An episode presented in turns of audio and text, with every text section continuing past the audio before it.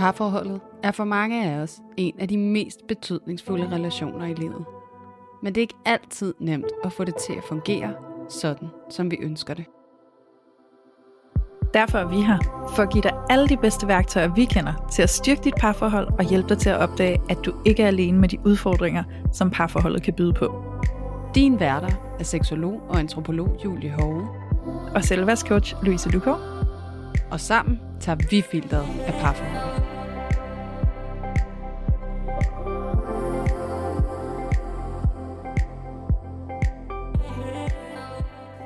Rigtig hjertelig velkommen tilbage til Parforhold Uden Filter, og vi er tilbage med en ny mand som gæst i det her afsnit, det vil sige, at vi er stadig i Mændenes Parforhold Uden Filter, og vi glæder os særligt meget til den her samtale i dag, og det er faktisk sådan, at vi skal snakke med filminstruktøren bag filmen, der hedder En frygtelig kvinde, Christian Taftrup, som du måske har set, øhm, som måske har rørt noget i dig. Den har i hvert fald rørt noget i mig og Julie. Så vi synes, at det kunne være rigtig interessant lige at starte en samtale med udgangspunkt i den her film, og, og, og den sådan dynamik, der er i det her par i den her film. Det glæder vi os til, men vi vil også holde det åbent, sådan så at den her samtale den får lov at bevæge sig andre steder hen. Men om ikke andet, så handler det bare om, at vi skal snakke med Christian omkring hans oplevelse af at være i parforhold. Og øh, nu kan jeg jo lige starte med at sige hej til dig, Julie, fordi du er jo min kære medvært igen i dag. Ja, hej til dig, Louise. Hej. Ej, jeg er så spændt. Ja, det er jeg også. Og øh, så kan vi få dig på banen. Hej, Christian. Ja, hej. Tak Og, for øh, invitationen. Ej, man, tusind tak, fordi du tog imod den. Ja, Ja, det er dejligt at have dig her i dag. Ja. helt vildt. Altså, vi har været så spændte. Altså, fordi vi har jo fulgt dig længe, begge to, både som skuespiller, men også som filminstruktør, og særligt uh, En frygtelig kvinde kom der tilbage i 2017. Altså, jeg sad sådan helt ude på kanten af mit sæde, Ja. og jeg havde så meget, jeg havde brug for at sige, da jeg så den her film. Og den modtagelse, den fik øh, på landsplan, gav jo virkelig også udtryk for, at der var mange andre, der havde lidt samme oplevelse. Sådan, der var en enorm relaterbarhed på alle mulige måder.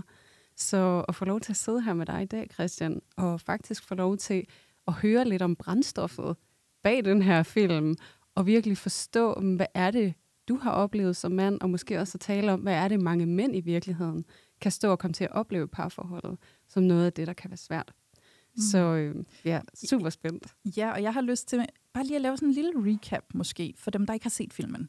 Fordi nu er det selvfølgelig ikke, fordi det her afsnit, det kommer til at handle om filmen. Det er ikke det, at vi isolerer det til, men vi kommer til at brede det ud. Men jeg tænker, det kan måske være meget interessant for dem, der ikke har set den. Hmm. Og til alle jer, der ikke har set den, så synes vi, at I skal se den. Ja.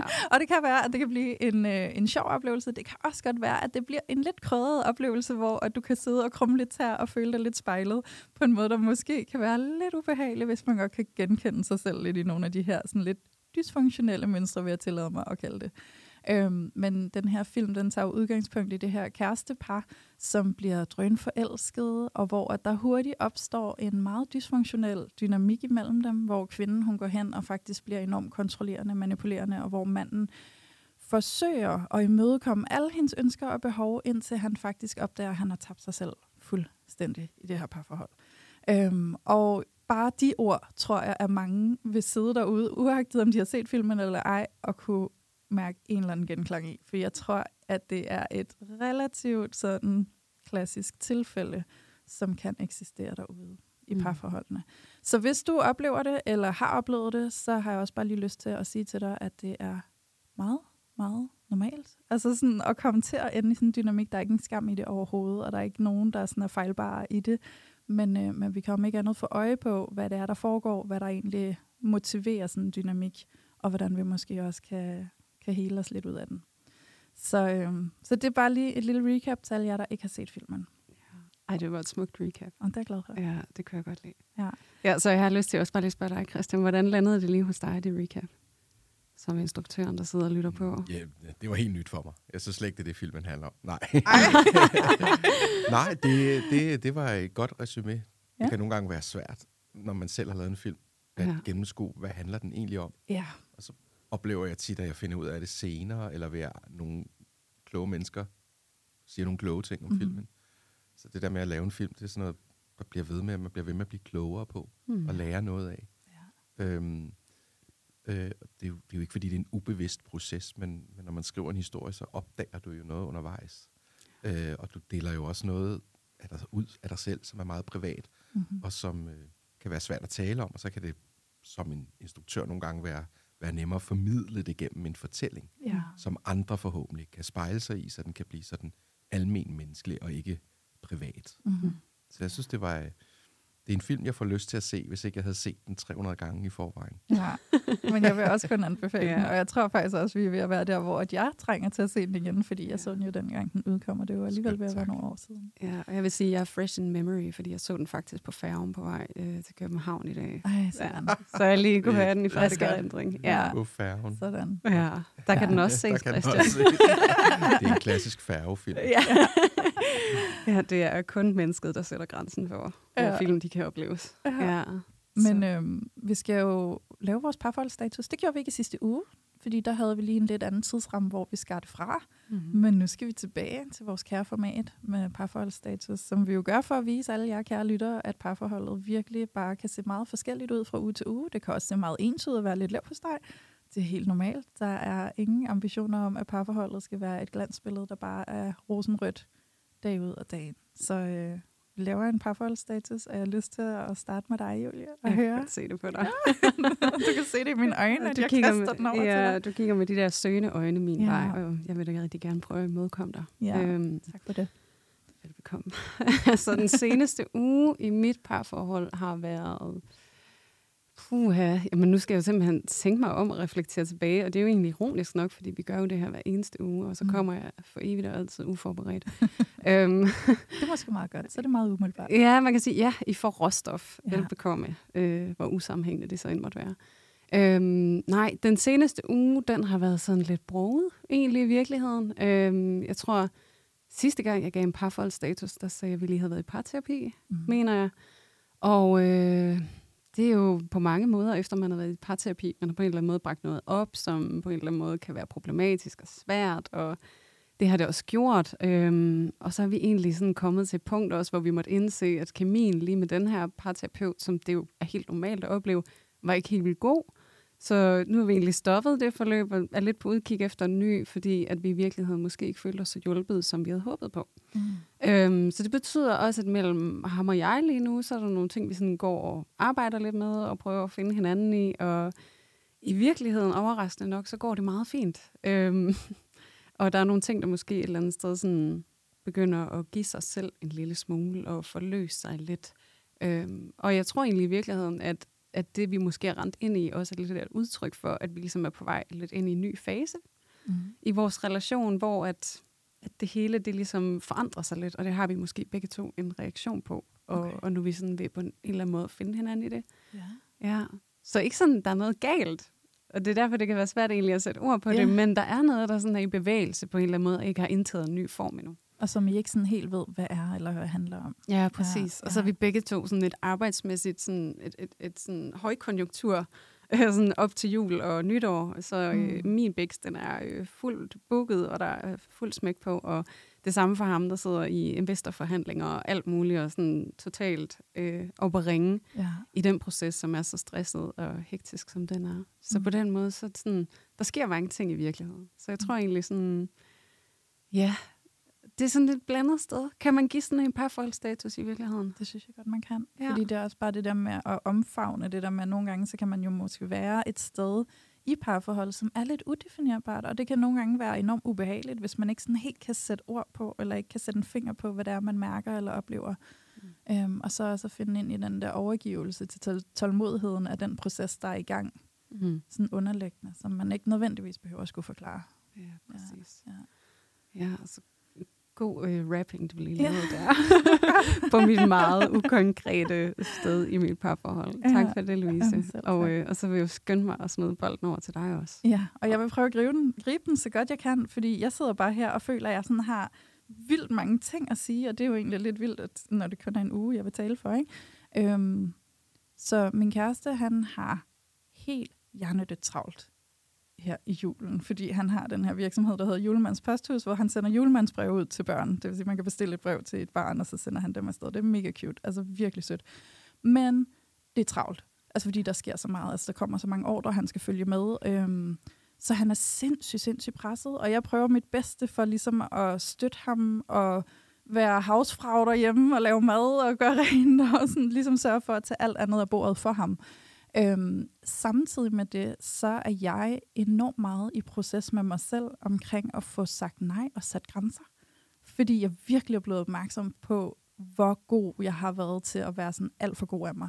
Og få sagt ja til folk og bare træde til og bum bum bum, og jeg skal nok gøre det, og du du du du du på bekostning af mig selv. På bekostning af, at jeg så ikke når de ting, jeg egentlig går og aspirerer til. Ikke? Så, øh, så, så det har en konsekvens, og jeg er virkelig i et opgør med det nu. Altså jeg er virkelig i proces. Så det der med at stå i den balancegang, øh, er ret interessant, og jeg har nogle interessante oplevelser, nogle meget lærerige oplevelser, også nogle helende oplevelser, og jeg snakker med ham om det, fordi vi øver os i det der med, at jeg kan sige nej, uden at han sådan øh, møder mig med en stor skuffelse i mit nej. Men, og, og at jeg jo egentlig også finder en vej til at, at vide, at selvom jeg møder skuffelse, men når jeg siger nej, at så er det også okay, at jeg siger nej, altså sådan, så jeg kan blive stående i mit nej. Fordi ellers så kan jeg tendere til at gå tilbage og sige, nej, så skal jeg nok gøre det alligevel. Ikke? Øhm, så, så, så det har sådan fyldt lidt øh, den seneste tid, og dermed også den sidste uge. Øhm, og så har jeg lyst til at supplere med en mega fed oplevelse, jeg havde med ham her i løbet af ugen, hvor at vi havde haft gæster til julehygge, og da de var gået, så står vi så og gør rent og rydder op, og så siger min kæreste lige pludselig, skat, hvad er egentlig den feature ved mig, du mindst kan lide? Og så svarede jeg på det, og jeg havde sådan en vild fed følelse af, sådan, han inviterer mig til at være meget ærlig, og det er noget, jeg sætter pris på i vores relation, at vi er, sådan, vi er gode til at være ærlige og lytte til det, der er, selvom det måske også kan være ting, der kan være sårbare. Og jeg fortæller ham det, øhm, og så spørger jeg ham, for så bliver jeg inspireret. Jeg vil egentlig også gerne vide, hvad, hvad er egentlig den ting ved mig, du mindst kan lide? Og så vendte vi den rundt, hvad så det, du bedst kan lide? Og så spurgte vi hinanden om det. Og der kom simpelthen bare den fedeste samtale ud af det, og hvor vi faktisk blev sendt helt tilbage til starten af vores parforhold med nogle ting, der måske rodede lidt der, som måske aldrig rigtig blev ryddet ordentligt op, og lige kunne vende det og snakke om det fra et sted, hvor vi ikke blev reaktive, fordi vi havde så god afstand til det på en eller anden måde. Og alligevel så var det enormt helende. Så det var bare sådan en der, altså sådan spontan samtale, som var helt vildt fed, som kom ud af det blå. Jeg havde ikke forventet den. Og den var bare mega fed. Altså, det, altså jeg sad bare tilbage og var sådan, det var fandme fedt det her. um, og jeg har lyst til at nævne det som en eller anden form for invitation til jer, der lytter med, til sådan, måske det også kunne være en ting for jer, at spørge ind til de ting, og så bare tillade at være meget sådan, åben over for det, du hører, men også at være meget ærlig i det, du fortæller, og møde hinanden på den måde, for det kan man lære rigtig meget af mm. og få, øh, få nogle ret fede sådan, oplevelser ud af, og helende oplevelser, har jeg lyst til at sige. Ja. ja. Og invitationen, den er grebet herovre. Ja, dejligt. Det er jeg glad for at høre. Det skal jeg lige huske. Ja. ja. Ja, det er fire små, meget basale spørgsmål, som virkelig kan rumme rigtig meget læring. Ja, for noget af alt det der, der kan være usagt frustration, ligesom frem i lyset, så det fylder lidt mindre, ikke? Jo, og også den anden vej rundt, ikke? Hvad så egentlig det, du bedst kan lide ved mig? Fordi det kom faktisk bag på mig, hvad min kæreste svarede til det. Han sagde, jamen ved du hvad, det jeg faktisk allerbedst kan lide ved dig, det er den barnlighed, der ligger i dig. At der er så let adgang til grin og humor, og at vi kan have det sjovt sammen. Og det var faktisk slet ikke det, jeg ville have forventet, han sagde. Og det der med at opdage det og vide det, og vide, hvor meget det betyder for ham. Og en ting ved mig, som jeg måske tager for givet, som jeg ikke tænker så meget over selv. Mm. Bare det at få det, og få den anerkendelse. Og sådan, det, altså, så der er også noget magisk i faktisk at sætte fokus på de ting, vi er rigtig glade for ved hinanden. Ikke? Præcis. Ja. Wow. Ja. Tak for den, Louise. Ja, til stor tak. inspiration. Nu kan jeg lidt fornemme, at det er min tur. Så er det din tur, Christian. ja, nu kigger vi over på dig. Christian, han sidder i midten her. Det kan I ikke se, så han får bare rettet to stive blikke mod sig nu. Ja, jeg min øl, jeg har taget med. Ja. ja. ja. Den seneste øh... uge, ja. Mm. Hold da op. Øhm, jamen altså, jeg, jeg ved jo ikke med jer, men jeg har jo været i et parforhold i 10 år nu, mm. snart. Ja. Øh, og vi har to børn tre år og otte år. Mm. Øhm, og det, øhm, det præger jo meget ens parforhold. Mm. det er jo en familiemaskine. Ja. Det er sådan med min kæreste og jeg, vi, øhm, vi kendte ikke hinanden særlig godt, før hun blev gravid. Jeg tror, hun... Jeg mødte hende, hun flyttede ind efter to måneder. Vi var sådan lidt ah, meget nyforelskede og sige, skal vi ikke prøve at lave et barn? Det sker sikkert ikke. Whoopsie, så skete det ved første forsøg, ikke? Ja. Uden at passe på. Og øhm, kom barnet jo på vores etårsdag, og var øhm, top besværligt, Ej. og kolikramt baby.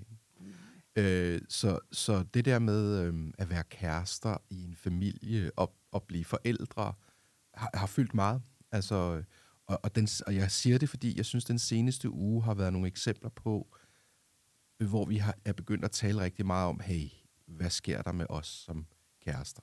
Mm. Altså, vi er far og mor, og vi er team, og vi er praktiske, men hey, hvor er du, hvor er jeg? Og så noget helt konkret, hvornår har vi to sidst været på en date?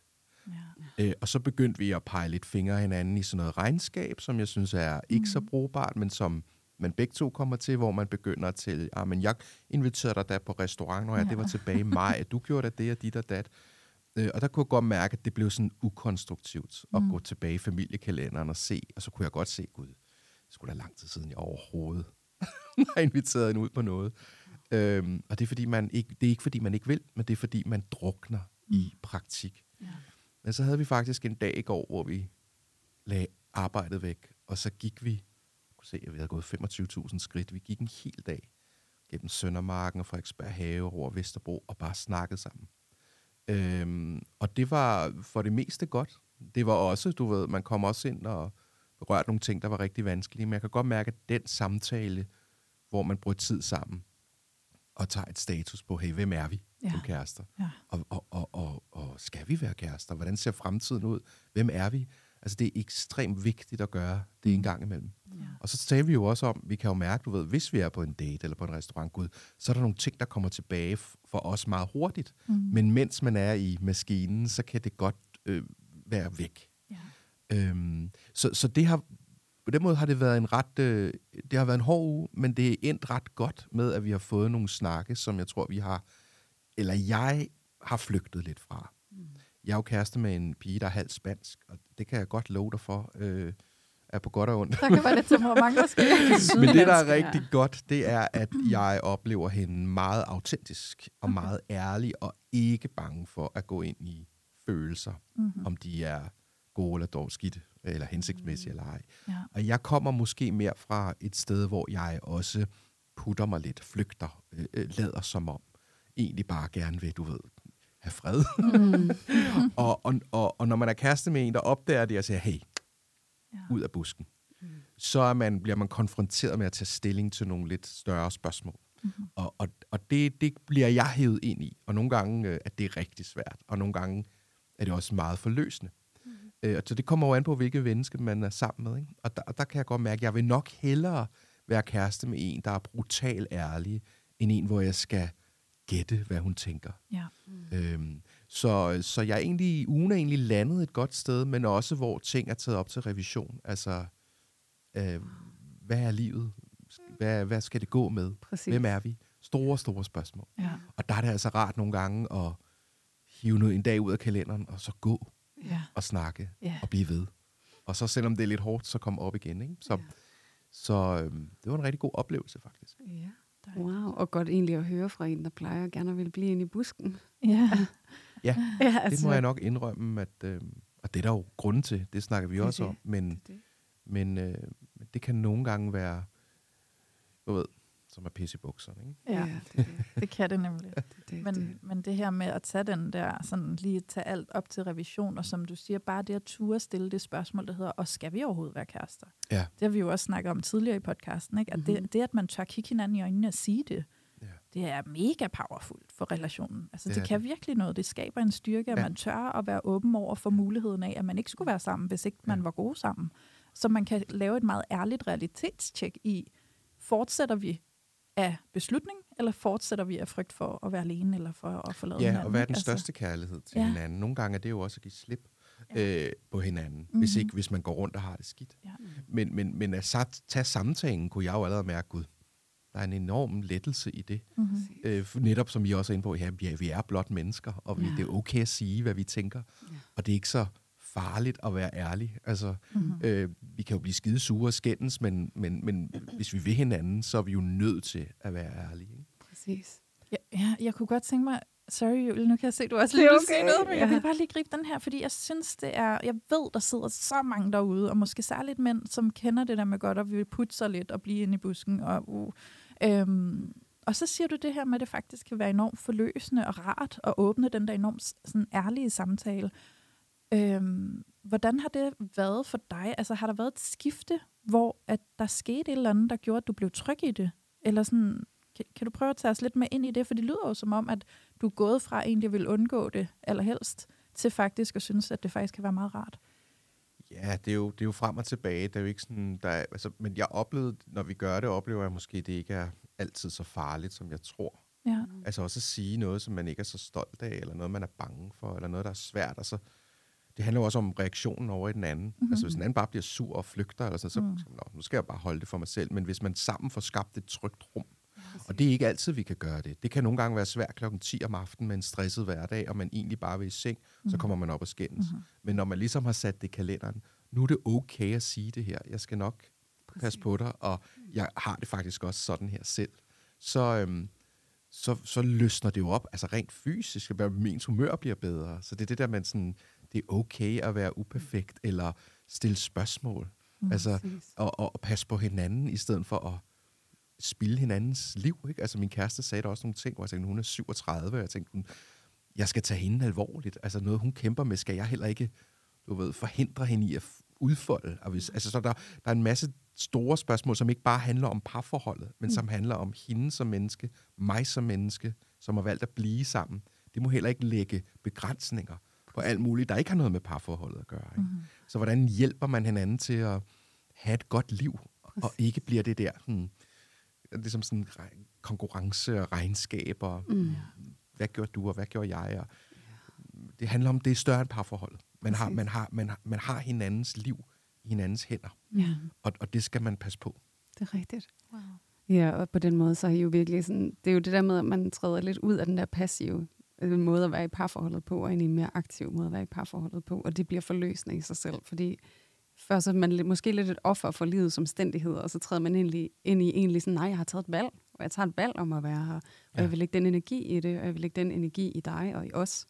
Og det på en eller anden måde kan virke forløsende, fordi at fra at føle sig måske lidt magtesløs over for tilværelsen, og det man mm. ligesom har fået skabt for sig selv, så tager man magten tilbage. Ja. Og vi trives bedre, når vi føler, at vi har kontrol og magt over vores eget liv.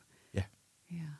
Så det er virkelig meningsfuldt, og så har jeg lyst til at følge op på dit spørgsmål, Louise, i forhold til det, du har svaret, øh, Christian, som jeg synes er vigtigt i forhold til, hvis man nu har det sådan, at jeg vil helst undgå svære samtaler. Please don't rock the boat. jeg har det bedst med, at der ligesom er ro. Og at noget af det, som jeg hører, du deler lige her, det er også, at det, der kunne være hjælpsomt i virkeligheden, også var det her med, at det blev forberedt lidt. At vi tager en dag ud af kalenderen derhenne, og så kan vi tale om det, som fungerer i virkeligheden meget bedre, end at vi tager den klokken 10 om aftenen, når vi lige har været igennem putninger og ryddet op efter aftensmaden og skal lave madpakker, og dagen starter forfra igen i morgen, ikke?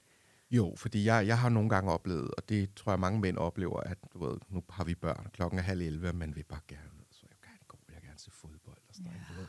Og hvis så, så starter de helt store, afgørende spørgsmål kvart i 11, ikke? Mm-hmm. så er man jo fedt op, og, man, og så kommer det ud på en uhensigtsmæssig måde, og ender ofte et skænderi. Ja. Altså, så nogle gange er det også sådan, hvor jeg øver mig i at sige, det er ikke altid, jeg kommer heldigt ud af det, men sige, det er super vigtigt, det vil jeg gerne snakke om. Jeg vil lige have mit eget space nu. Kan vi gøre det i morgen klokken to? Ja. Det, det skal den anden på en måde også respektere, fordi det handler ikke om, at man ikke vil snakke om det, handler nu om gang. Altså den værste er jo, at man lige har lagt hovedet på budet, og så skal der snakkes, fordi så ved man, okay, så bliver det i hvert fald til klokken halv seks i morgen. Så nogle gange er det, er, det, okay, det synes jeg er okay at sige, mm. hvis man så tager samtalen ja, ja. på et senere tidspunkt. Ja, ja, ja, helt så det øver jeg mig egentlig også i. Men jeg er også lidt i proces, altså nu ved jeg, nu er I jo terapeuter, men jeg startede hos en psykolog, ikke? En, en, en mandlig psykolog.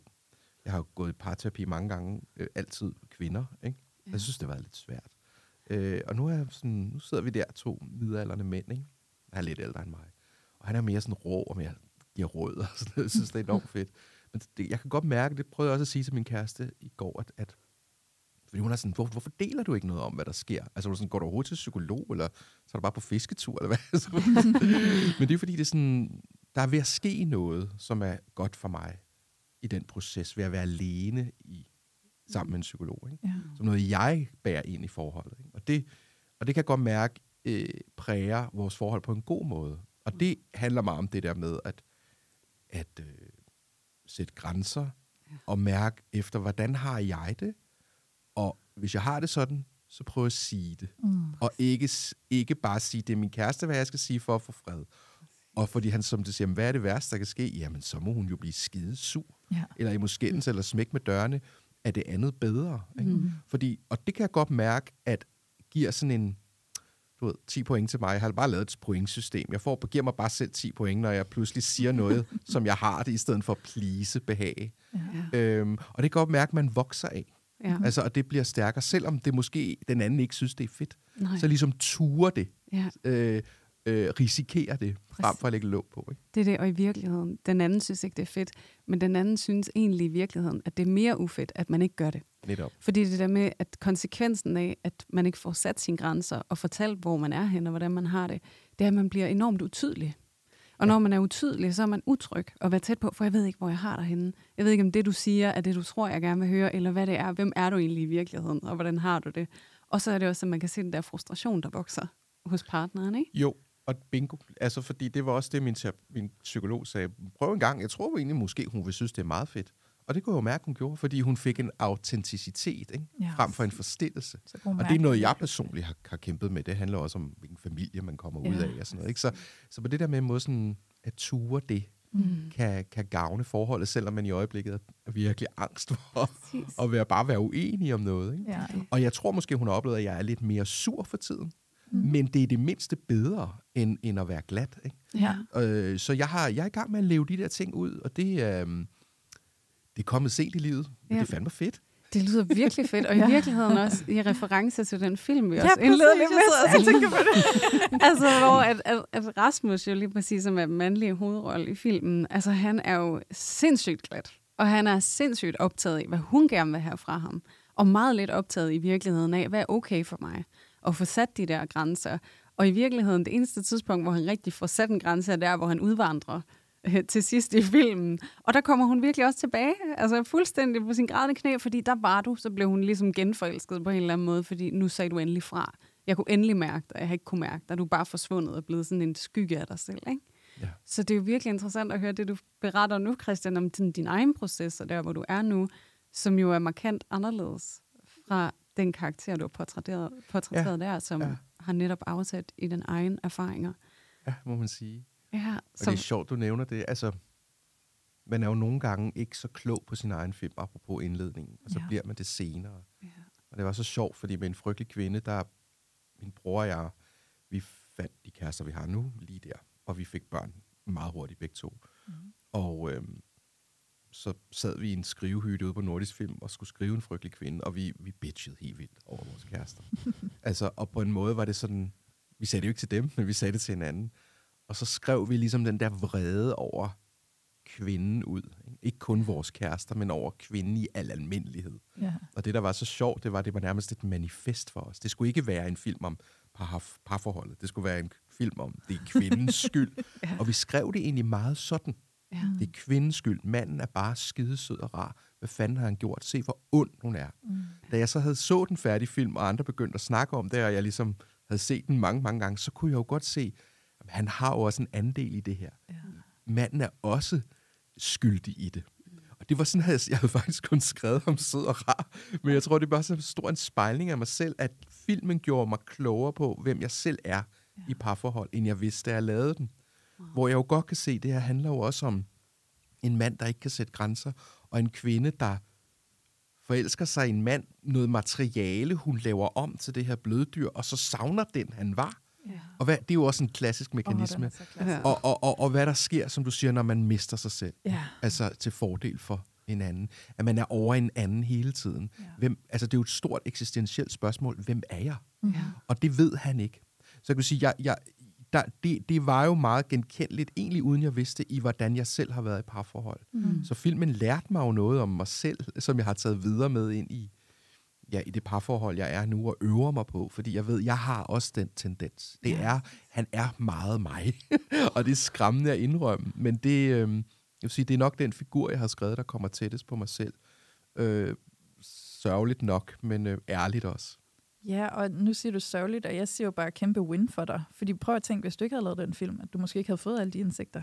Ja. Øhm, fordi det er jo også interessant at Ja. høre dig fortælle, at du skriver filmen fra et udgangspunkt, og da den udkommer, og der begynder at komme feedback på filmen, så får den et helt andet syn for dig. Ja.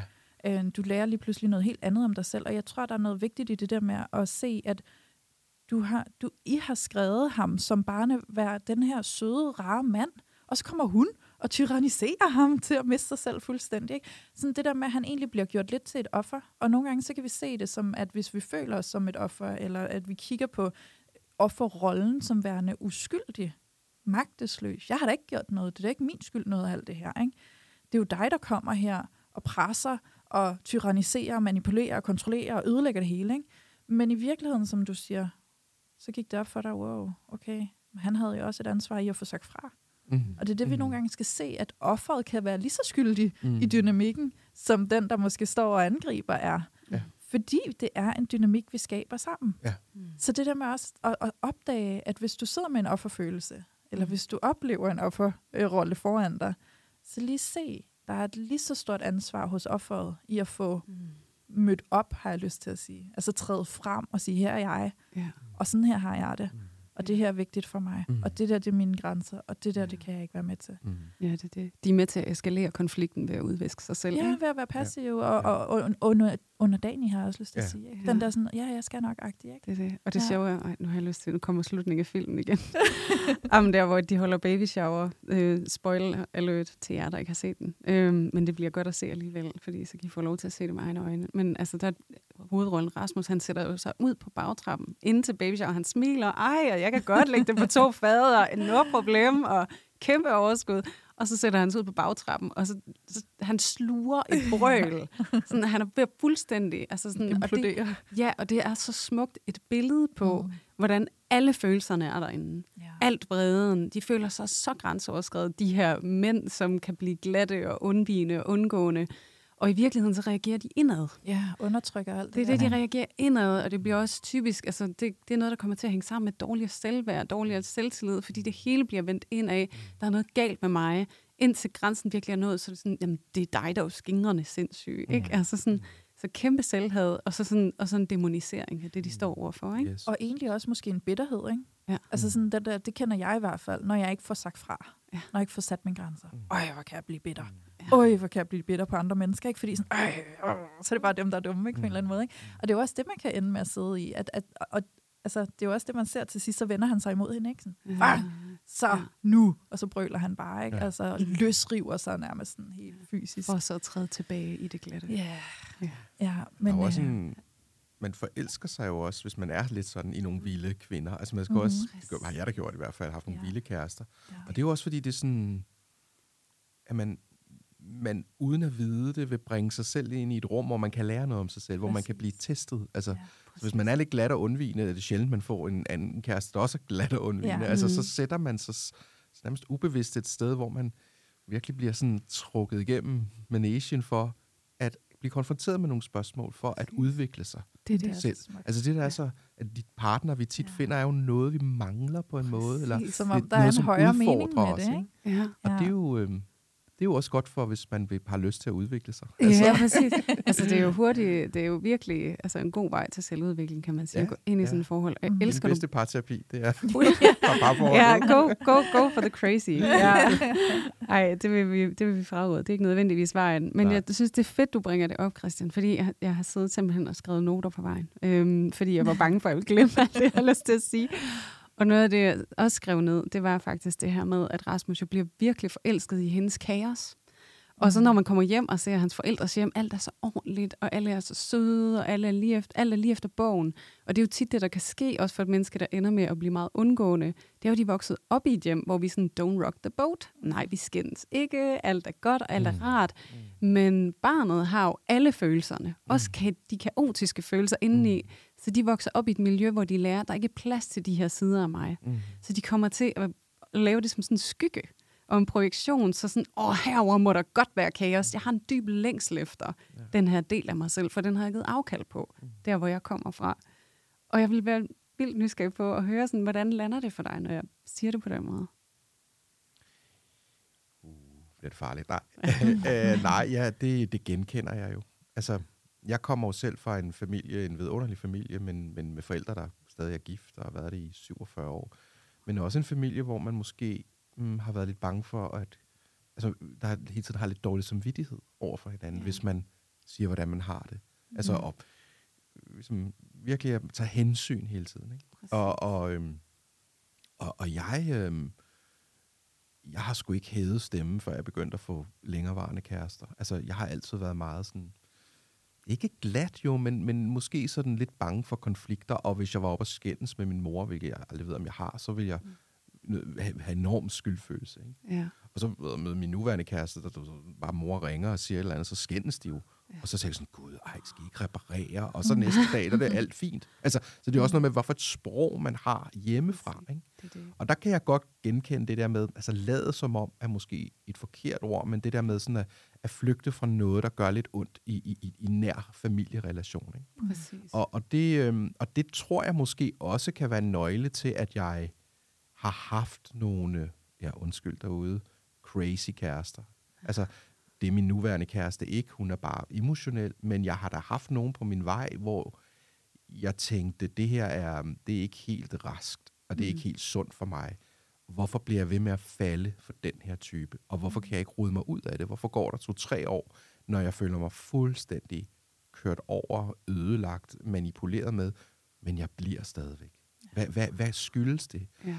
Har der måske, for at følge vores snak, været et nemlig et behov for at komme ind i det rum, hvor man tør slippe noget af sin forstillelse mm. og blive konfronteret med at give igen, eller tage fat i noget, der virkelig er mørkt. Ikke? Mm. Og derfor har det for mig været, har jeg haft nogle kærester, der har haft det i lidt store doser. Mm. Og det går jo ikke at blive gift med det og få børn med det, men det har mm. været på en måde, jeg tror, jeg er ubevidst at trukket ind i det rum, mm. hvor man får noget af alt det der ødelagt for ligesom selv at komme på banen. Ikke? Præcis. Øh, yeah. Fordi jeg har nemlig spurgt mig selv, jeg har både haft kærester, hvor jamen, okay, jeg sad med mine venner på bar og sagt, nu går du 1. maj, okay. Så 1. maj, så ringer jeg nu har jeg altså inviteret hende til Paris, og du ved, og været alt for meget over i dem, gjort hvad de vil, øh, mm. begyndt at ændre musiksmag, tøj, alt muligt, bare for ligesom at være, altså alt for meget behagesyge, mm. hvor netop oplevelsen af, miste sig selv, og godt vide inderst inden, jeg har det jo ikke godt, jeg ved det ikke, men jeg har bare ikke kunne gå. Nej. Og, og hvad skyldes det? Det er, jo, det er jo, og det tror jeg, mange har det på den måde. Jeg har mødt mænd, der har i forhold på 20. 25. år, men de kan ikke finde ud af at gå. Måske mm. ved de heller ikke, hvor de skal gå hen, mm. men der er også, de er også bange for dem selv, hvis de ikke er i den der relation. Ikke? Mm. Fordi de bliver nødt til at blive taget stilling til, hvem de er. Så det er nemmere nogle gange bare at være over i den anden. Ikke? Mm. Og det, det er jo klart, der er nogle store spørgsmål i mit liv, mm. som også fylder i min film, som også lidt har dikteret, hvem det er, jeg har været kærester med førhen. Ja, selvfølgelig. Ja. Og der, ja, ja.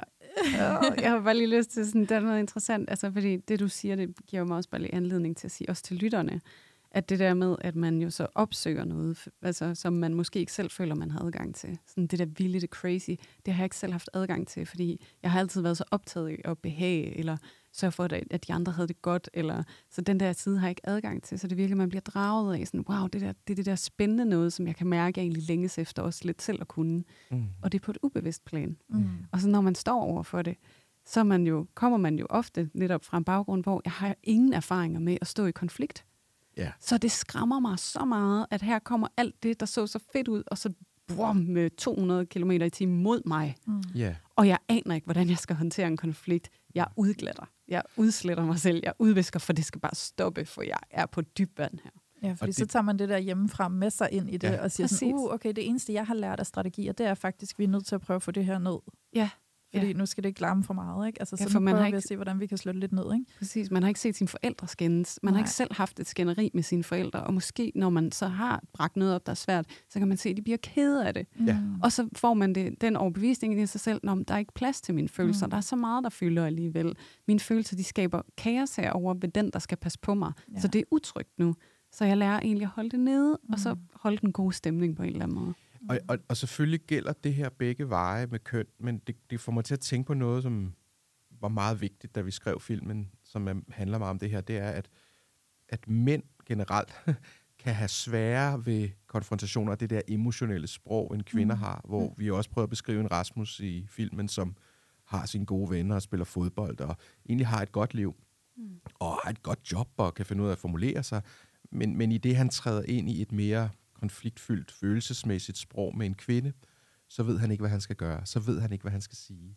Og der tror jeg måske, der kan være en generel ting, at kvinder på en måde har et bedre sprog for det. Mm. Jeg oplever, har oplevet meget i mine forhold, og gør det stadigvæk, at når man, at når, man, når jeg har en eller anden ophedet konflikt derhjemme, så føler jeg mig tit som taberen, at jeg kommer simpelthen til kort. På et tidspunkt føler jeg mig trængt så meget op i en krog, at jeg simpelthen ikke ved, hvad jeg skal sige. Mm. Og så ender jeg med at sige undskyld, eller det kan jeg godt se. For mm. jeg har ikke flere værktøjer i kassen. Mm. Og jeg oplever det aldrig sådan på job. Altså aldrig i, i form af instruktør. Jeg kan blive ved, du ved. Men, men i den der sådan, hvor der føler jeg virkelig sådan, shit, så er der, der er noget, jeg ikke kan. Ja. hvor jeg har oplevet kvinder være bedre til det. Og det, det er sikkert en generalisering, men, men der er noget med jo, at kvinder måske, fordi de er kvinder eller opdraget, eller den måde, man er veninder på, når man er ung, er langt mere emotionelt følelsesladet. Jeg, mm. jeg forestiller mig også, at pigeveninder, nu har jeg selv døtre, skændes meget mere, end drengevenner gjorde. Ikke? Så, så de er, de er på en måde mere rustet inde i det der konfliktfyldte stof. Ja. Og mænd er lidt bange for det, ja. er min oplevelse. Ja, men jeg tror også, at du har helt ret, når du siger det der med pigeveninder der, der skændes. Ikke? Og så er det jo også ofte, at man ser, jamen, så er det mere det der med, at vi går i lang tid og er sådan irriteret på hinanden, sur på hinanden, taler ikke sammen eller sådan, ikke? Hvor jeg tror, mange drengevenner, altså nu snakker vi i de unge der, ikke? De er sådan lidt, ja, så var du en idiot, og så var jeg en idiot, og så klapper vi hinanden på ryggen, og så er det fint igen, ikke? Så er vi videre, ikke? Så det er jo også det der med sådan, helt rigtigt, hvad du siger, vi har jo snakket om det masser af gange, og det er jo også derfor, vi laver mændenes parforhold uden filter. Det er jo netop for at belyse, altså at give mændene en plads ind i det her emotionelle space, fordi at der er mange mænd, der ikke har lært at have et sprog for det.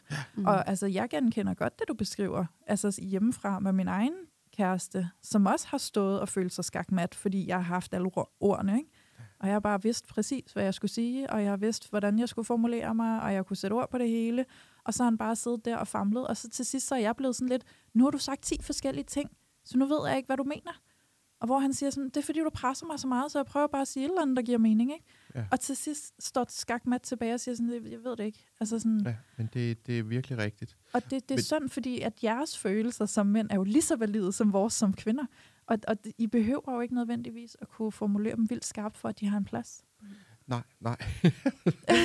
og det, men det er også, hvordan man hører, altså jeg, kunne så, altså, jeg tror, det var Fuglendorf, der kaldte det øh, en konfliktoptrappende replik. Det er sådan, manden hører det, altså hvis kvinden siger, hvorfor, hvorfor du egentlig ikke sat æggene i, i bakken? Eller hvorfor, altså, man kunne også godt rydde op i køleskabet. Altså, der hører vi det tit som, okay, shit, konflikt, start til konflikt. Ja. Og det er ikke altid det er adresseret sådan. Nej. Så vi er meget sådan, åh, på vagt for, åh oh, nej, nu starter det et skænderi. Og det, det er virkelig sjovt, fordi jeg er ikke sikker på, at en venindegruppe, der, der er der mange sådan nogle, vi mænd kalder konfliktoptrappende replikker, som egentlig ikke er anslag til skænderi, men det vil det være blandt drengegrupper. Jeg, mm. du, jeg har mange rigtig gode venner, dem jeg har haft konflikter med, og nogle gange konfronteret det, mm. det, det gør en afgørende forskel. Det, man kan, man, ved, det er også derfor, når mænd skændes, så sidder de tit ved siden af hinanden og kigger livet i luften, eller sidder i bil. Man har svært ved at kigge hinanden i øjnene. Ja. Og, og man, ved, man skal gå rundt om en varm grød i overvis efter, hvor jeg synes, for kvinder kan det være overstået dagen efter. Ja. Så det er også noget med, hvad, hvilken følsomhed man har. Præcis, men der er noget vigtigt i det, du siger, Christian, fordi det handler i virkeligheden også om, at vi er bange for det, vi ikke føler os i stand til at mestre. Mm. Ja. Så det er det der med, at jeg, hvis jeg ved med mig selv, jeg føler mig ikke i stand til at mestre en konflikt, så kommer jeg til at gå og være på udkig efter konflikter hele tiden, og gøre alt, hvad jeg kan for at undgå det, og nedbringe konfliktniveauet, mm. fordi jeg vil ikke ende i en situation, hvor jeg bliver sendt ud på slagmarken uden et svær. Netop. Fordi det er det, der sker hver mm. gang. Det er, at jeg føler, at jeg bliver sendt på slagmarken uden et svær. Jeg kan intet stille op. Jeg kan bare ligge mig fladt ned og vente mm. på at dø. Ja. Og det er så ubehageligt. Ja, det er det. Så det er også derfor, at mange mænd kommer faktisk fra det her udgangspunkt, fordi de netop ikke i samme grad som kvinder er opdraget til det her relationsarbejde. Mm. Så mange mænd føler som udgangspunkt lidt, at de kommer til kort. Så derfor vil mange mænd per automatik også være mere på udkig efter potentielt konfliktoptrappende situationer, fordi de er i tvivl om, kan jeg håndtere det, hvis det sker. Ja, for så derfor skal jeg holde øje, så jeg kan undgå ja. det. Ja. ja, og hvad er det, mænd kan komme til? Slås. Ja. Det er deres sprog. Altså, du generaliserer helt vildt. Ja. Jeg er jo nu ikke særlig god til at slås. Men så ender den der, ikke? Ja, præcis. Og det, øhm, ja, det, det er, det måske en generalisering, men en afgørende forskel mellem kønnene der. Og det er derfor, at, at vi ikke altid har, har sproget i vores magt, når vi mm. er i konflikt med vores kærester. Præcis. Og så lader vi os køre over. Ja. Og, ja. Og man kan sige, Jamen. det er jo her også sådan, i forhold til lytterne, ligesom, og jeg elsker jo, at du bringer det op, sådan som du gør, fordi det er altid så meget nemmere at relatere til, når det kommer fra levet erfaring og en følt oplevelse, sådan som du netop beskriver det. Og hvor det i virkeligheden altså, handler om os som partner, altså hvis man er kvinde, der er partner med en mand, og ved, dit udgangspunkt er formentlig anderledes end mit, det ændrer ikke på, at alt, hvad du har at byde ind med, er præcis lige så validt, som det, jeg kommer med. Så jeg skal være med til at facilitere at vi kan have en dialog og en kommunikation, Mm. hvor der er plads til os begge to. Fordi mange kvinder, tror jeg, kommer til at presse meget på og blive meget provokeret af, hvorfor tror du, det er en konflikt? Det er et Mm. spørgsmål. Ja, Mm. netop. Ja.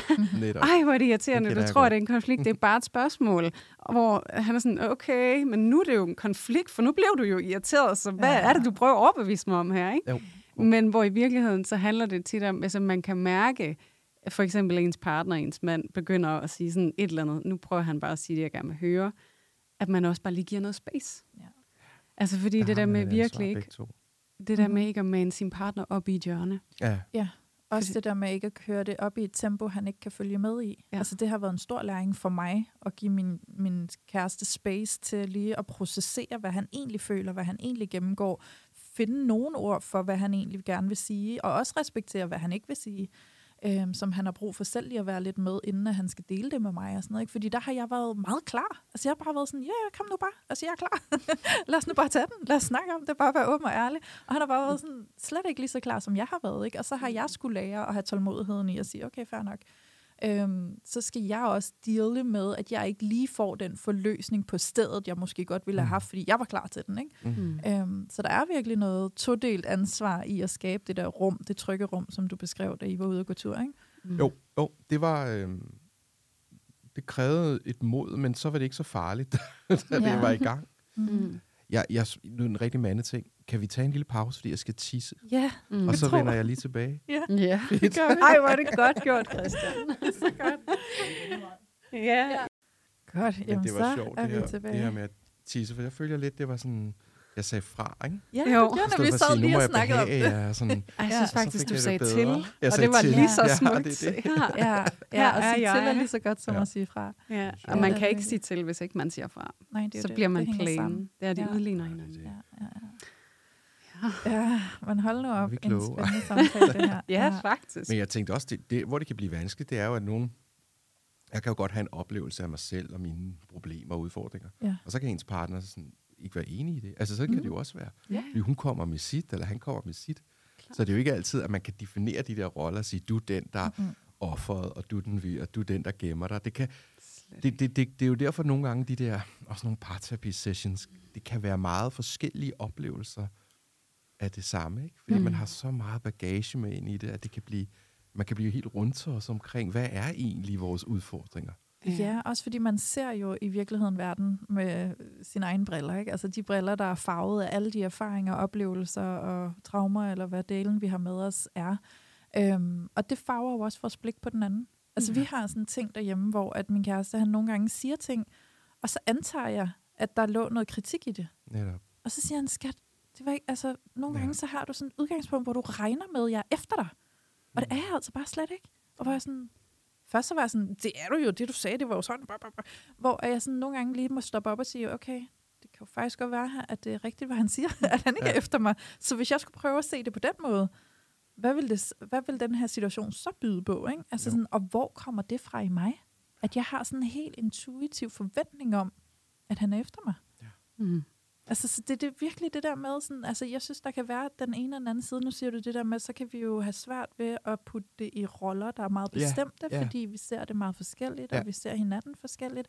Men omvendt set er der jo også nogle gange, hvor vi virkelig kommer til at putte hinanden i nogle roller, mm-hmm. og Mhm. fastholde os selv i dem. Og det er også noget, jeg genkender, hvor man kan sådan have svært ved måske at rykke sig fra noget, fordi man bliver ved med at fastholde, du er jo sådan her, mm. Mm. eller mm. du gør jo det her, Mm. eller nu gjorde du det her, det mindede om noget, du gjorde for tre år siden, så det er nok stadig det samme, agtigt, ikke? Jo. Det kan vi jo Mm. også godt komme til nogle gange. Ja. Altså, vi, så, så vi kan jo virkelig komme til sådan at... Øhm, Jeg kom, holde til at, jeg kom til at tænke på, da vi arbejdede med en frygtelig kvinde, da min bror og jeg havde skrevet den frygtelige kvinde på papir, så læste Amanda Collin, der skulle spille hende rollen, og sagde, jeg, jeg, jeg kan slet ikke forstå det. Altså, jeg kan ikke forstå hende. Mhm. Det er som om, skal jeg spille to mænds øh, vrede mod kvindekønnet? Altså, Ja. hvor, hvor bliver det et menneske for mig? Og det, hun så gjorde, det var, at hun gik... Fordi hun kunne heller ikke genkende sig selv så meget i det. Men hun gik så enormt meget på research for at forsvare Marie-karakteren. Ja. Hvad, hvad er det, det handler om for Marie? Ikke over i Rasmus' og forfatternes blik, Mm. men for mig. Så hun snakkede med en masse kvinder og læste en masse dameblad, og på den måde Mm. forsvarede hun det, hun gjorde, så det var på en eller anden måde ud fra noget positivt. Det vil Præcis. sige, som Amanda spillede rollen, var modsat den måde, vi havde skrevet rollen på, og det er derfor, den blev dybere, end den var skrevet. Mm. For hun synes ikke selv, hun var frygtelig. Hun gjorde det på grund af noget. Hun fik gjort det todimensionelt. Ja, ja. og, og det, det er jo det er lidt det her også. Altså, ja. jeg kan opleve min kæreste på en måde, men hendes oplevelse af det ja. kommer et andet sted fra. Ikke? Ja, præcis. Det er jo det der med, at vi har en bestemt form for adfærd i vores parforhold, og al adfærd har noget brændstof. Så det er jo også det der med, hvad er hendes brændstof på en eller anden måde. Og jeg kan godt lide sådan at, at forstå rollerne lidt i forhold til hinanden, fordi at der, hvor Rasmus måske bliver glat og ikke siger fra, og vender al sin frustration indad, der har hun lidt modsat strategi. Jeg vender al min frustration udad. Mm. Ja. Men jeg er jo frustreret, for jeg kan ikke mærke dig. Det er utrygt for mig. Jeg ved ikke, hvem du er, eller hvor du vil stå henne. Jeg prøver på alle mulige måder at fjerne din CD og din DVD og sådan noget, fordi jeg så gerne vil mærke dig. Jeg vil også gerne have en reaktion fra dig. Ja, og det netop. giver du mig ikke. Netop. Så jeg bliver utryg. Og så kan man sige, jamen er det kalkuleret det, fordi hun har lyst til at provokere?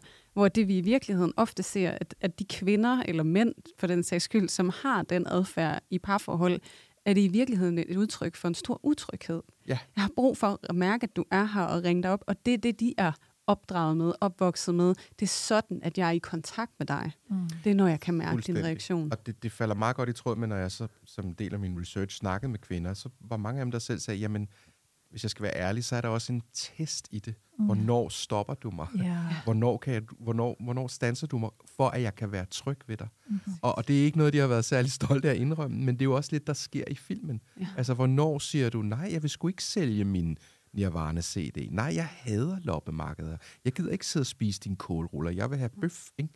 Og ja. det gør han ikke, fordi manden tænker, nå jamen, jeg elsker hende jo, og jeg skal da være med på det, og ja. så kan hun sikkert bedre lide mig, ikke? hvor hun i mm. virkeligheden måske havde synes, det var fantastisk, jeg sagde, prøv at høre, du kan spise dine planter, jeg spiser kød, sådan er det. Ja. Det havde måske været attraktivt. Præcis, og også fordi, at hun jo et eller andet sted går hen og bliver ret skuffet. Fordi at hun møder den her mand, som egentlig virker sådan ret sat. Han er selvstændig, han bor i sin egen lejlighed ja. inde i København, og han har sine venner og sin fodbold. Sådan, han virker bare som sådan en virkelig solid klippe, og han har den her gode familie, og måske noget, hun i virkeligheden ikke har haft, og noget, hun har mm. længtes efter. Mm. Så hun får det her billede af den her klippe, mm. og så begynder den bare at smuldre foran hende. Ja. Ja. Og det er så utryghedsskabende, og det er jo det, hun har en reaktion på. Hvor Netop. er du henne? Hvor er du henne? Det det. Hvornår møder du op, ikke? Og det er derfor, hun, vi arbejder meget med i midten af filmen, så har hun fået lavet ham om. Ja. Ikke? Og så sidder han derinde i sofaen, og så er det, hun siger, du går aldrig ud mere.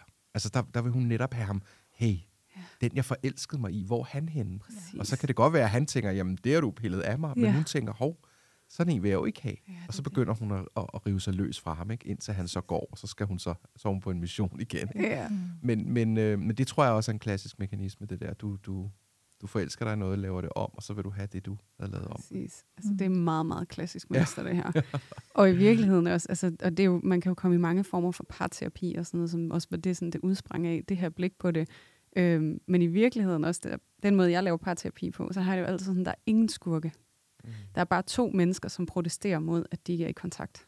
Mm. Og så protesterer de på meget forskellige måder, og de kan ikke forstå hinanden, og de kan ikke se protesten. De tror, det er en kritik eller et angreb mod dem selv. Men det, der i virkeligheden er skurken her, det er det mønster, de to er landet i. Ja. For de gør i virkeligheden deres bedste for at få kontakt, og de ja. lykkes ikke med det. Og så eskalerer konfliktniveauet bare i ja. relationen. Det, det, det er også min erfaring i parterapi, at det er meget mønstret, og for hvordan kan du mm. knytte dig til hinanden emotionelt igen, ikke? og Præcis. ikke havne i dine det er det. mønstre og vaner. Og genfinde kontakt. Ja. ja. Og jeg har lyst til lige at touch på det her, du siger med, at, at denne her pleaser-adfærd, der jo kommer, netop hvor han er villig til at opgive mange af de ting, som hun kommer ind og beder ham om. Ikke? Altså, nu skal du ikke spise bøf, nu skal du sidde og spise cold wraps og alt muligt andet. Ikke? Mm. Øhm, du sagde det der med, så, så gør jeg det, fordi så kan det være, at du bedre kan lide mig. Mm. Og den har jeg bare lige lyst til at touch på, fordi det er jo virkelig råden bag hele det her pleaser-adfærd, vi ser i rigtig mange mennesker. Øhm, og sådan helt grundlæggende, så har vi mennesker jo bare et behov for at føle, at vi hører til. Ja. Altså, vi skal jo føle os knyttet og, og føle, at vi har en plads, og vi hører til i de relationer, vi er en del af. Ikke? Ja. Så derved er der jo også nærmest den grundlæggende største frygt i mennesker, det er jo at blive forladt og være alene. Mm. Så de længder, vi vil gå til, for at folk kan lide os, mm. er enormt mm. store, mm. og, det, og konsekvenserne er ligeledes rigtig, rigtig store. Og rigtig ofte er det jo også, fordi vi kommer fra en opvækst, en barndom, hvor vi, vi ikke blevet støttet i at være os selv og sige fra og må, må have den plads, vi vil have. Vi er blevet bedt om at passe ind. mm. og høre efter, mm. og opføre os ordentligt, opføre os, som vi bliver mm. bedt om. Så vi bliver opdraget til at give slip i os selv. Vi bliver opdraget til, du skal ikke være dig selv, du skal være, som jeg beder dig om, fordi mm. så kan du være her, og så kan vi have harmoni her i familien, mm. eller her i skoleklassen, eller her i institutionen, eller hvor delen det har været henne, eller her i vennegruppen. Nu skal du ikke være til besvær, fordi så er der ikke god harmoni i vennegruppen heller. Ikke? Altså, så, så det der med, at hele den der pleaser-adfærd er jo så borget af, at vi bare gerne vil have, at folk skal kunne lide os, så vi hører til at have en plads. Mm. Og det er jo virkelig vigtigt at få øje på, at det ikke altid bare er dig selv, helt mm. isoleret, som er øh, skyldig i, at du dyrker den her pleaser-adfærd, men også at se, hvordan det kommer fra opdragelsen, men at det også kommer kollektivt. For der er også det der med, når vi så kigger på, at det kommer fra barndom og fra opdragelsen, så kan vi få en vrede mod vores forældre eksempelvis. Ikke? Det er jeres skyld, jeg har det sådan her. Ikke? Øhm, men de har det jo også et sted fra. De er også uskyldige i, i, i, i sagens forstand. Det kommer jo også som et, et, en kollektiv forståelse af, hvordan vi skal opføre os over for hinanden. Ikke? Det, det. Og særligt i Vesten vil vi jo gerne opføre os meget konformt. Yeah. Og når man så også er forældre, så bliver man jo også optaget af, hvis mine børn ikke kan opføre sig konformt og passe ind mm. i det, vi socialt har accepteret som, som det, vi gerne vil have, så får mine børn et problem. Ja. Så bliver de socialt ekskluderet på et eller andet tidspunkt i deres liv, og det ønsker jeg ikke for dem, fordi at social eksklusion for os mennesker er lige med den visse død. Ikke? Så på den måde, der er mange faktorer, og det er godt også at bringe det blik i spil, og jeg synes egentlig også, det giver anledning til noget af det, som jeg har fornemmet, der går lidt igen faktisk i nogle af dine film, Christian, er jo faktisk lidt et opgør mod den her ordentlighed på en eller anden måde, som jo i og for sig kan være sådan lidt kontroversielt, når at det netop er noget, det du selv har praktiseret på en eller anden måde, og så i din film virker det som om, at du har et enormt opgør med det. Ja, og det er jo ubevidst, øh, og alligevel ikke. Men, men jeg havner jo, man havner jo lidt i nogle af de samme karakterer. Jeg har jo noget med mænd, der har mistet en maskulinitet, eller i hvert fald er det et, et bud på en moderne maskulinitet, hvor man, hvor man ikke råber og skriger og slås, men man, man henter sine børns tøjkaniner, så både, som er blevet væk, så både, man får både kys fra børnene og konen. Og, altså, det ligger på sådan, en, sådan et, et lidt lille sted, ikke? Mm. Øhm, og, og, og, og så er jeg meget optaget af, som du er inde på her, altså sociale spilleregler. Mm. Øh, hvad, hvad, hvad, hvad, hvordan kan det være, at vi er så dygtige i Vesten til at, øh, at, at spille spillet og være så meget over i andres blikke på os, end at mærke efter vores intuitioner. Mm. Og det er jo ikke, fordi vi ikke mærker dem, men vi ignorerer dem bare. Altså i min seneste film, der Speak No Evil, som på mange måder også er en parforholdsfilm, mm. der kan de jo mærke alle mulige alarmklokker, men de vælger at ignorere dem, fordi det, det er ligesom bedre at gøre. Mm. Gæst, uh, plise værterne, og så må vi bare holde ud. Altså man, man er simpelthen hårdere ved sig selv, end man er ved mennesker, du slet ikke kender. Og, og det, jeg arbejdede meget med i den film, selvom det netop handler om det her høflighed, og hvor langt går man, før man siger nej, jamen så handlede det også meget om et parforhold, som var gået i stå, fordi de var så meget over i andre og hinanden, at de ender med at gå rundt i en fed lejlighed og gøre alt det rigtige og have nogle venner og spise det rigtige mad, men de kan ikke mærke noget længere. De skændes ikke, de rører ikke ved hinanden, de er bange for at sige noget ubehageligt. Ja. Og så har vi en, en mand, der står og kigger ud i mørket fra sin 24. sals lejlighed og længes mod mørket, og bliver meget tiltrukket af en hollandsk mand, som bare er meget mere i kontakt med sin primitive, primale instinkt og sin natur. Og så talte vi meget med skuespillerne om, at det her par har brug for en rystetur. De har brug for at komme ud et sted, hvor de ikke kan bunde, hvor de kan mærke deres krop, deres vildskab. Og så arbejder nu en meget hård slutning, men vi arbejder meget med, at på en eller anden måde var det også lykkeligere for dem at stå nøgne og skulle stenes til døde og græde og erklære hinanden deres kærlighed, end at gå rundt i den der konforme, perfekte vestlige verden, hvor alt er forstillelse og laden som om, mm. og hvor man er bange for at sige noget forkert. Mm. Så der var sådan en indre udviklingsrejse for dem som par, øh, som mand og kvinde, selvom filmen er brutal og alt muligt, mm. så var det et nødvendigt sted for dem som et moderne par her i Vesten at komme hen. Ja. Fordi det har vi glemt. Vi er simpelthen så bange for vores primale natur. Ja. For simpelthen bare at hæve stemmen. Eller, altså, det, det synes jeg er et meget centralt tema for mig i hvert fald. Mm. Ja, ej, ej, jeg bliver, der sker så mange ting i mit hoved, når du sidder og fortæller. Og jeg har faktisk ikke set Speak No Evil, fordi jeg har hørt fra folk, at man fortryder, at man har set den, fordi man bliver helt mindfucked og skal leve med traumer bagefter. det ved Nej, jeg ikke, om der er nok film, nogen, der reagerer lidt ja. mere kraftigt end andre. Men der tænkte jeg lidt, det er jeg ikke sikker på, at jeg tør. Mm. Øhm, men det kan være, at jeg skal se den. Men ja wow, hvor fortæller du egentlig også meget om det der med, at vi heller ikke tør skille os ud. Mm. Altså sådan, du Mm. siger det ikke, men jeg hører, at det også er det, der ligger i det. Ikke? Du siger det her med, jamen så er der jo de her parforhold, og så lever vi jo i den der fine lejlighed, og med den der fine bil, og vi holder middag, og vi gør dit, og vi gør dat. Der er ikke ret mange, der stopper op og tager stilling til, hvem er jeg, og hvem er vi, og hvad har vi lyst til? Hvordan har vi lyst til at leve livet? Vi kigger bare på den skabelon, der er, og så arbejder vi os ind i den samme skabelon, som alle andre lever. Mm. Og det er jo det der med sådan, for mig er det utopi, og det giver ingen mening, at vi skulle være så mange mennesker, der har lyst til det samme. Mm. Det giver ingen mening. Så Og der er noget, der er noget passivitet i, at vi ikke tager stilling til, hvad vi vil, men vi bare gør det, vi ser, og så følger vi bare med strømmen. Mm. Og så er det, vi dør ud. Fordi til sidst sidder vi og kan ikke mærke os selv, for vi har ikke spurgt os selv, hvad vi vil. Nej. Vi er her bare, og vi gør bare, som der bliver sagt. Ikke? Altså Ja. sådan, og vi følger bare det, som vi ser andre gøre, fordi så passer vi der om ikke andet ind. Så skal Mm. vi ikke være bange for at stå uden for fællesskabet. Ikke? Præcis. Øhm, og, og, og inde i det, der ligger jo så meget netop også det der, du siger med, at vi bliver så høflige. Så vi Mm. tør ikke engang sige fra, når der er Mm. nogen, der er sådan meget direkte er uhøflige over for os, eller, Mm. eller virkelig ubehagelige over for Mm. os. Så står vi bare der, øh, okay, ikke? Altså, Mm. og nikker og smiler og prøver at, at, at bevare den der høflighed, ikke? Præcis. Og så i virkeligheden, så er der også et andet aspekt, jeg bliver optaget i. Det er jo lidt, at den- manden i den her film, han netop bliver lidt forelsket i ham der hollænderen. Altså igen, lidt ligesom du selv blev forelsket i de der kvinder, der har det der kaos, ikke? Han blev også lidt forelsket, fordi at lige pludselig så var det et spejl af det kaos, han ikke længere selv Netop. følte ad- adgang til. Ja. Ikke? Og han blev draget mod det, han var nødt til at gå i den vej. Præcis. Og det der med, at hvordan egentlig sådan, at filmen også indkapsler, jo mere du også undertrykker den her del af dig selv, altså jo Mm. mere kommer du til at presse dig selv ud over en kant, hvor du stopper med at eksistere.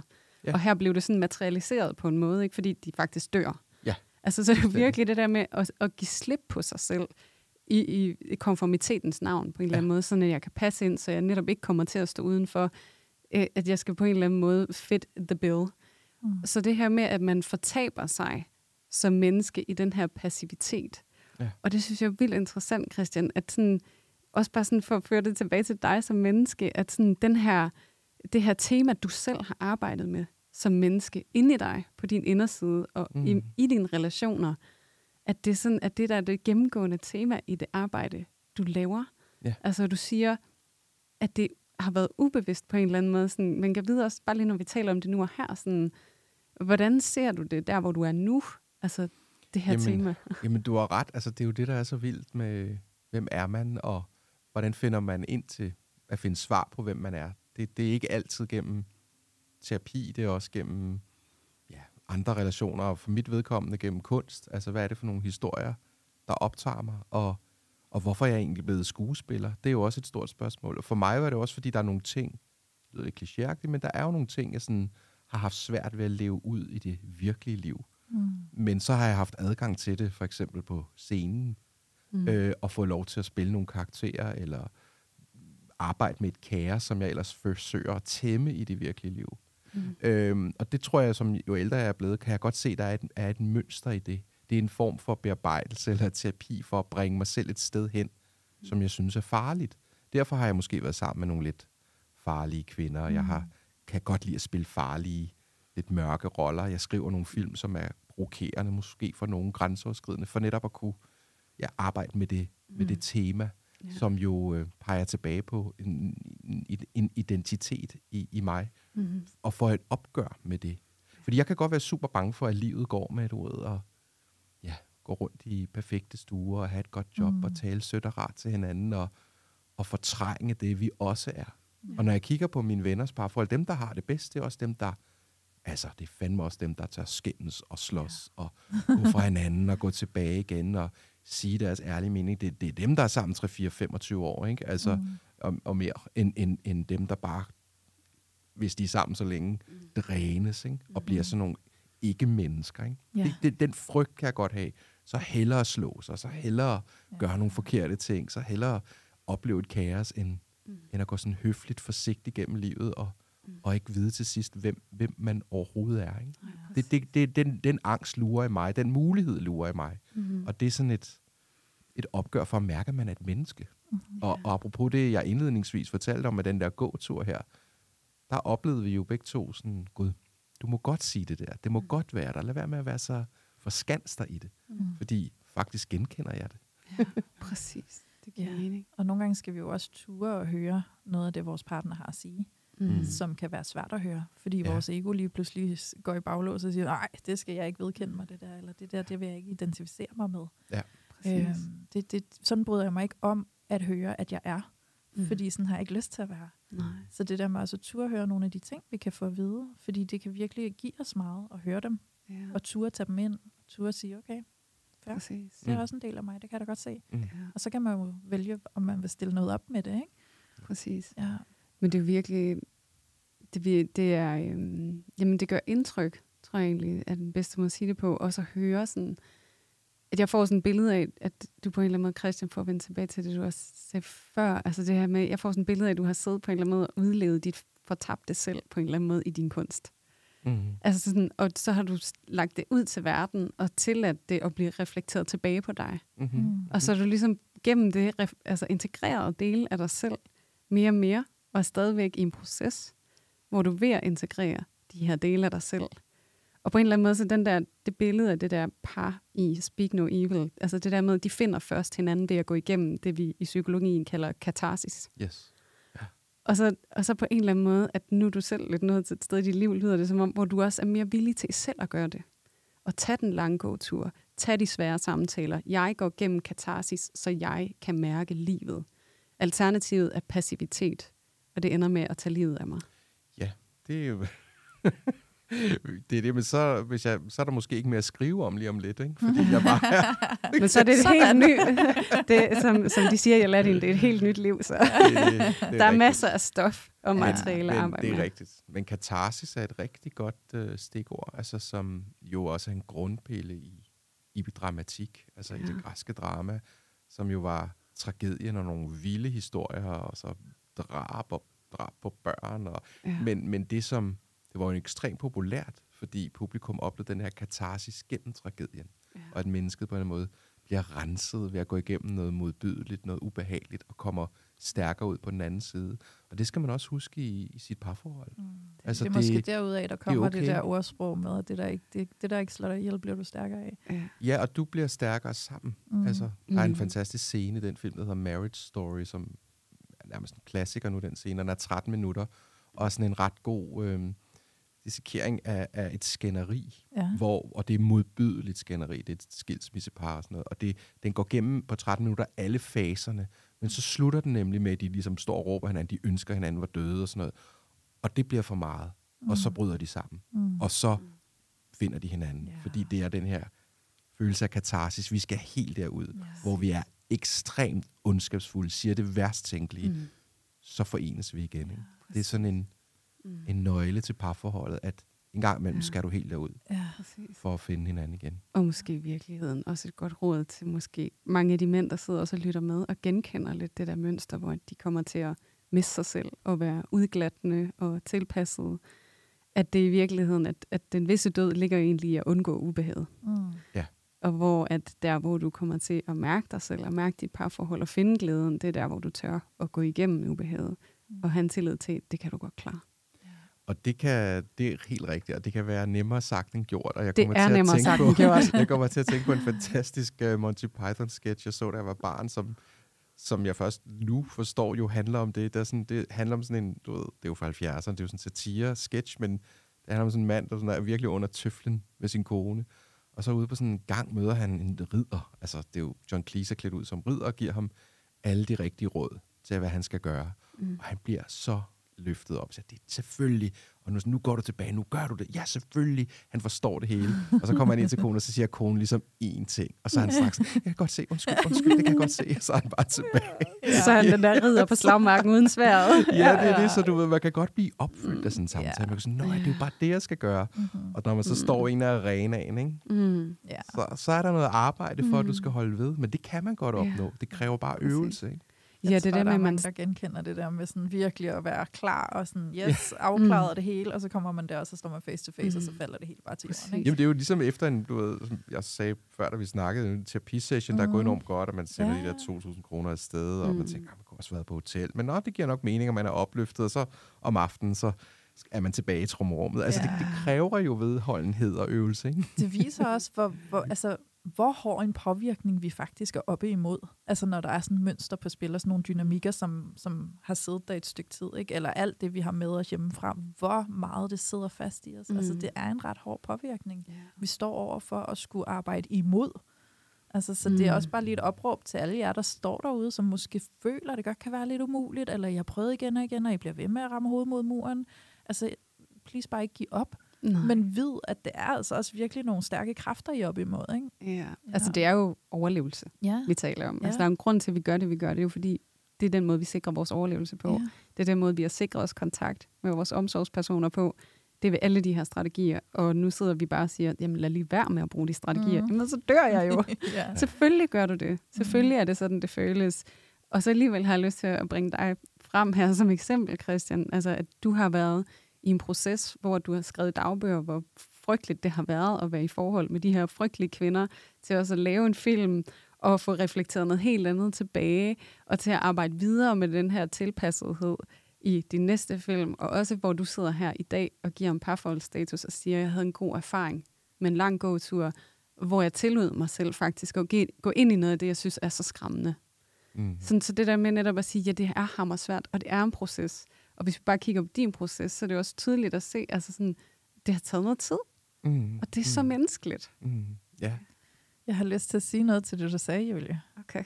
Fordi du sagde det her med, og så står vi der og beder dig om at lade være med at bruge alle de strategier, som du har brugt i så mange år for at overleve. Ikke? Ja. Og så føler du, at du dør, hvis du ikke bruger de strategier. Jeg har bare lyst til at sige, måske er det også meningen, at der er noget, der skal dø. Måske er der faktisk den, du har været, som skal have lov at dø, ja. før at du får hul igennem yes. til det, du faktisk gerne vil hen til. Ja, det er i hvert fald en, en gylden regel i dramaturgien, når man skriver historier. Ikke? Det er, at noget, okay. noget skal dø, for noget nyt kan opstå. Ja, ja. ja ambivær. Ja, så er det, altså, vi er jo klar til, det bliver en god uge i vores uh, respektive parforhold, ja. eller, eller ja. måske ikke. Ja. Jeg lægger mig hjem og dør lidt. ja, walk the talk. Er det ikke sådan, det skal være? Jo, det ja. er det jo. Ja. ja. Så vi kigger frem mod en uge i katarsis. Ja. Så samler vi op igen. Det lyder farligt. Det er det. Uh, det føles mere farligt, end det i virkeligheden er. Ja, og, netop. og det kan man måske også lige tage med som en god reminder. At ja. det føles mere farligt, end det i virkeligheden er. Fordi de strategier, du udviklede dengang, ja, du skulle bruge dem for at overleve, men nu er du et voksen og kompetent menneske, formentlig, eftersom du lytter med til den her podcast, så faren er drevet over. Mm. Det er okay at prøve nye ting af. Ja, ja. Ja, så vi skal runde af for i dag. Det skal vi. Ja. ja. Det går stærkt. Det gør Men, det. Øh, det gør det. Hvor var det dejligt at snakke med jer, og få reflekteret noget tilbage også. Mm. Altså det er det der med at skrive og lave film, og man, ja, noget er jo bevidst, men noget er jo med nogle ting, man har svært ved at snakke om eller forholde sig til, og så, som du siger, så, så taler værket tilbage til en. Mm. Altså, og øh, det gør, det. gør, at man kan udvikle sig. Præcis.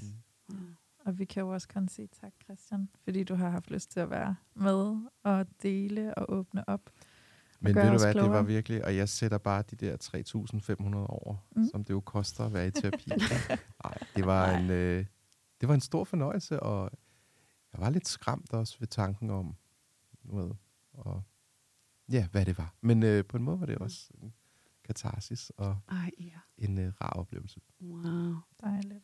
Dejligt. Og godt at høre. Øhm, ja, også fordi du netop indledningsvis siger sådan, det er lidt spændt på, hvad det er for noget. Jeg har jo lige, lige fået lyttet, og, og så er du alligevel siddet tilbage nu og synes, at det faktisk var en god oplevelse. Det synes jeg virkelig. Dejligt. Det er også vigtigt for os jo. Ja, ja. og det, det kan jeg lige så godt sige, og det tillod vi os også lige at, at udveksle, mens du lige var ude ja. og se til dine det, egne behov. Det du ikke hørt os sige. ja, det var, at, at vi virkelig også øh, har nyt at tale med dig. Det har været en stor, stor fornøjelse, og helt klart en samtale, vi kommer til at huske mm. og se tilbage på, som er Dejligt. noget virkelig godt. Det er virkelig glad Ja, og hvad vi blandt andet også sagde, det var jo, at holde dig op, var han faktisk god til at sætte ord på sine følelser.